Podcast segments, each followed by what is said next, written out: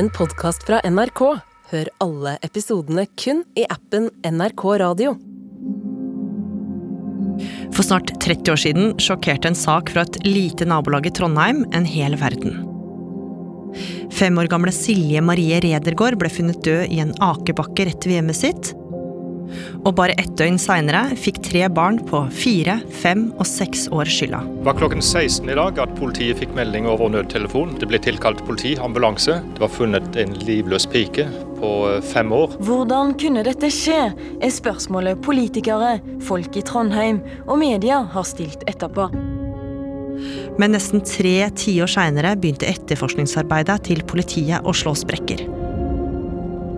For fant de egentlig alle svarene de trengte? Dette er episode én av to om drapet i Akebakken.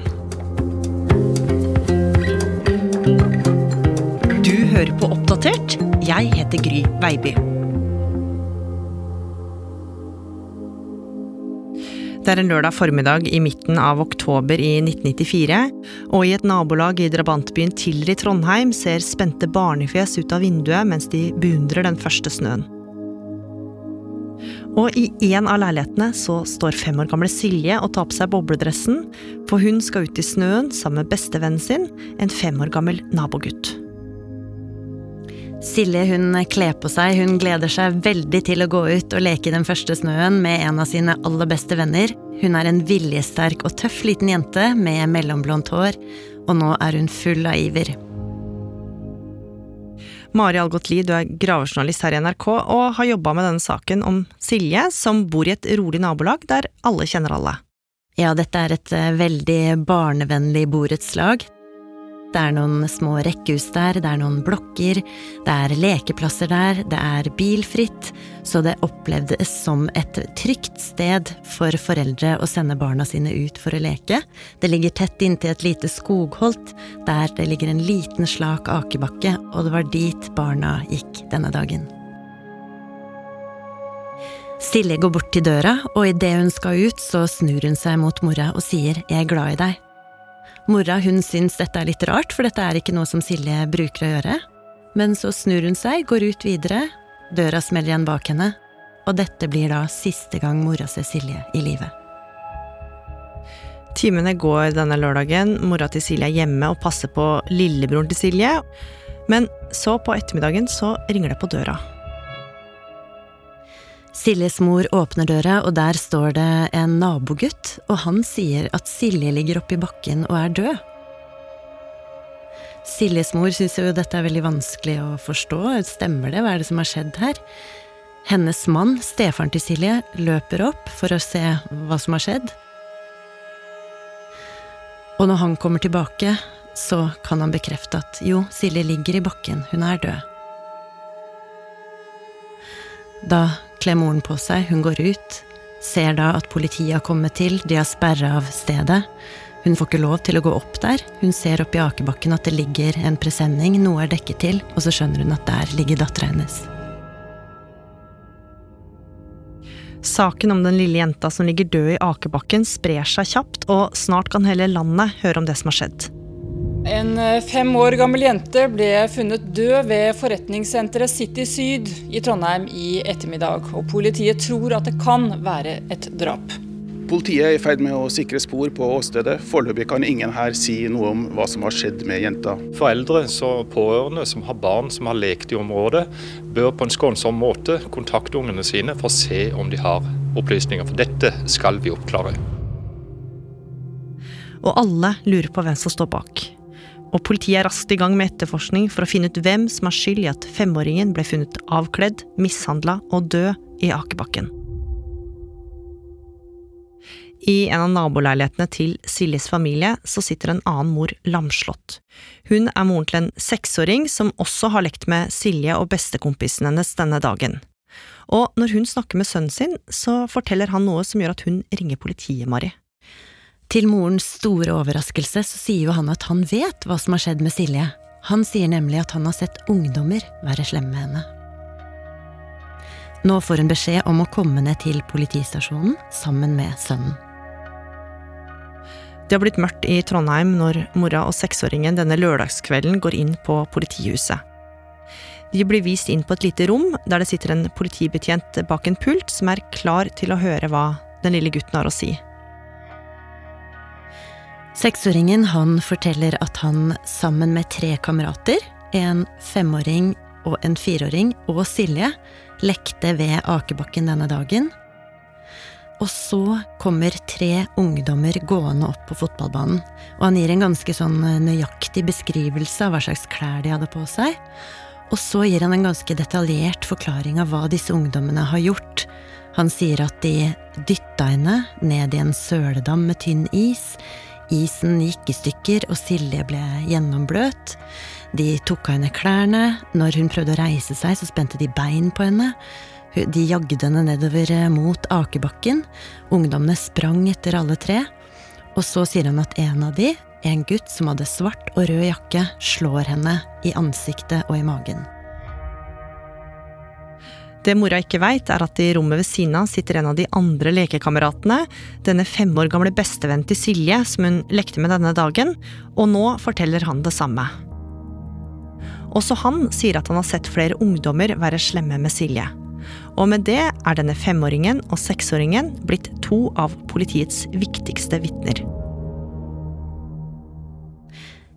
Og etter avhøret seint på kvelden så blir de sendt hjem. Moren til seksåringen hun legger ham, og på sengekanten så sier sønnen hennes at han var fornøyd med at han hadde fortalt sannheten til politiet. Hun skrur av lyset og sier god natt, og skal selv legge seg, og tankene svirrer rundt etter alt som har skjedd på denne fryktelige dagen, men hun vet jo ingenting om det de skal våkne opp til. For morgenen etter ringer politiet og vil ha en ny prat med seksåringen. Ja, og de ber henne ta med klærne som sønnen hadde på dagen før da han var ute og lekte. Hun sier at det gjør de gjerne, hun vil jo gjerne hjelpe politiet, og tenker at de vil ha mer informasjon om disse ungdommene som sønnen har sett. Så de drar ned til politistasjonen og aner fred og ingen fare. Og omtrent et halvt døgn etter at de var der sist, så sitter igjen mora og seksåringen på et kontor på politihuset i Trondheim. De har levert fra seg klærne til gutten, og så starter politimannen bak pulten nok en gang å stille spørsmål. Og det første seksåringen forteller, er jo det samme som kvelden før, om disse ungdommene som han har sett. Men så endrer tonen i spørsmålene seg. Politimannen begynner å stille ham mer konfronterende spørsmål, og han sier ting som at nå må du fortelle sannheten. Hvem var det som var slem med Silje?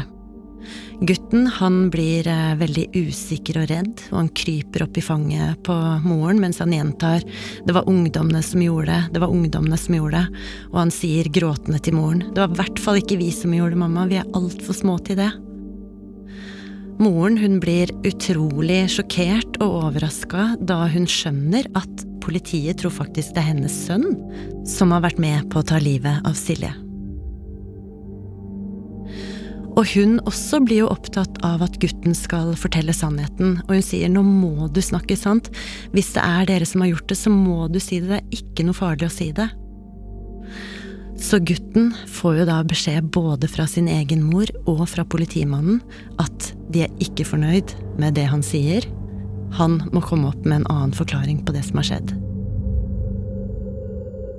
Samtidig, på politihuset, sitter også femåringen i avhør. Men det sitter også en tredje gutt her denne søndagen. Men han er yngre, han er bare fire, og han hadde også vært og lekt i akebakken med Silje og de to guttene denne dagen. Og han forteller en helt annen versjon av historien. Ja, han sier nemlig at det var de to andre barna som hadde gjort det. Og dette begynte han å si noe om kvelden før hjemme. Faren til fireåringen han ringte da inn til politiet og fra dette ser det ut som at politiet har skifta fokus. Så det de har gjort, er å kalle inn de tre barna som de nå tror er gjerningsmenn, til avhør samtidig. Fireåringen han forteller i dette avhøret om hva de to andre har gjort mot Silje, at de er, har vært slemme mot henne. Samtidig sitter da de to andre på hvert sine avhørsrom og holder fast på sine forklaringer om at det var ungdommer som gjorde det. Men det tror ikke politiet på. De stoler nå fullt og fast på forklaringen til en fireåring. Men politiet de tror også at fireåringen selv har hatt en større rolle i det enn det han sier. Og mens seksåringen blir spurt igjen og igjen om hva han har gjort, så skjer det noe inne på naborommet, Mari. Ja, for der sitter jo femåringen og holder fast på sin forklaring om at det var ungdommene som gjorde det, men nå er det helt tydelig at politimannen som avhører han, ikke tror på han, så han sier at han må fortelle hvem var det som var slemme mot Silje. Og da skjer det noe, femåringen begynner å endre forklaring. Nå sier han plutselig at det var fire- og fem- og seksåringen som har brukt vold mot Silje. Han forklarer ikke alt, det er ikke en lang, sammenhengende forklaring. Han sier at de har hoppa på henne og gjort noen litt slemme ting med henne. Da er avhøret over, det er bare ti minutter langt, men politiet har fått det de mener er en tilståelse fra en av gjerningspersonene. Og nå øker også presset på seksåringen i rommet ved siden av. Ja, der fortsetter jo utspørringen av seksåringen. Igjen og igjen så ber de han om å fortelle sannheten. De sier nå har de to andre fortalt om det som har skjedd, nå må du også fortelle sannheten. Og mora til seksåringen hun har jo en følelse at her spør de helt til de får de svarene de vil ha. Og det får de til slutt.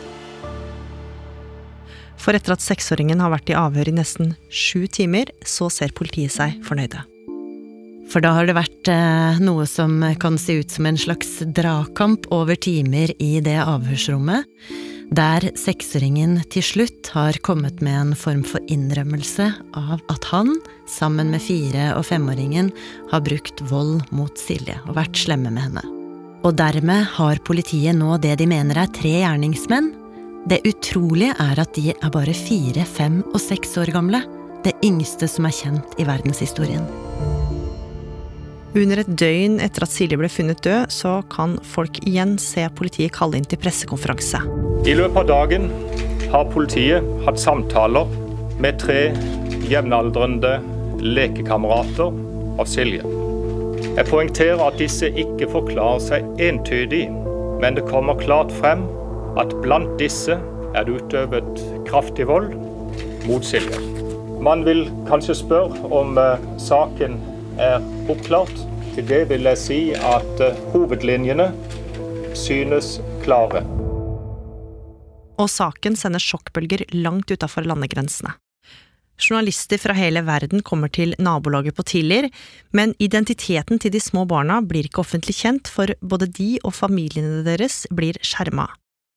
Selv om politiet konkluderer med at det er de tre som står bak, så blir saken henlagt fordi de er mindreårige. Så etter hvert så forsvinner saken fra offentligheten, og journalistene de reiser hjem. Ja, men denne saken endret jo likevel livet for alltid for de involverte guttene. Men nesten 30 år senere så begynte vi å grave i saken, og da kom vi over noe som skulle sørge for at denne saken ble snudd fullstendig på hodet.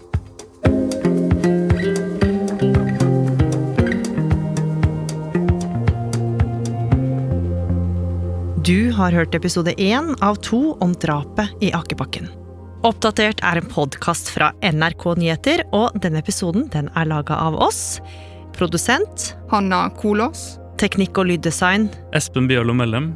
Vaktsjef Ina Swann. Og jeg heter Gry Veiby. Programredaktør er Knut Magnus Berge. Klippene du har hørt, er fra TV 2 og NRK. Har du tips eller innspill, så må du gjerne sende oss en e-post. Adressen er oppdatert krøllalfa nrk.no. En podkast fra NRK. Det finnes åtte milliarder mennesker i denne verden her. Men hvordan finner du akkurat den rette for nettopp deg? Og så tror jeg jeg sier litt sånn Vi skal ikke bare være kjærester, da. Og så blir hun jo helt likbleik. I denne nye podkasten stiller jeg kjente par mitt absolutte favorittspørsmål. Hvordan møttes dere egentlig? Vi var i doke. Ja. Altså sånn utedo på sånn festivaldo? Ja, utrolig romantisk. Vi får servert helt nye sider av kjente mennesker som Nicolay Ramm, Sandra Lyng og Viktor Sotberg, og vi får ikke minst muligheten til å bli kjent med dem de deler livet sitt med. Det møtet var jo litt spess, liksom. Hør morsomme, romantiske og småfløye historier om hvordan kjente par møtte hverandre og fant kjærligheten. Jeg heter Karen Marie Berg, og Hvordan møtes dere? har premiere på selveste Valentine's Day. Tirsdag 14. februar slippes de to første episodene, og deretter kan du høre nye spennende kjærlighetshistorier hver tirsdag fremover. Hvordan møttes dere? Hør alle episodene kun i appen NRK Radio.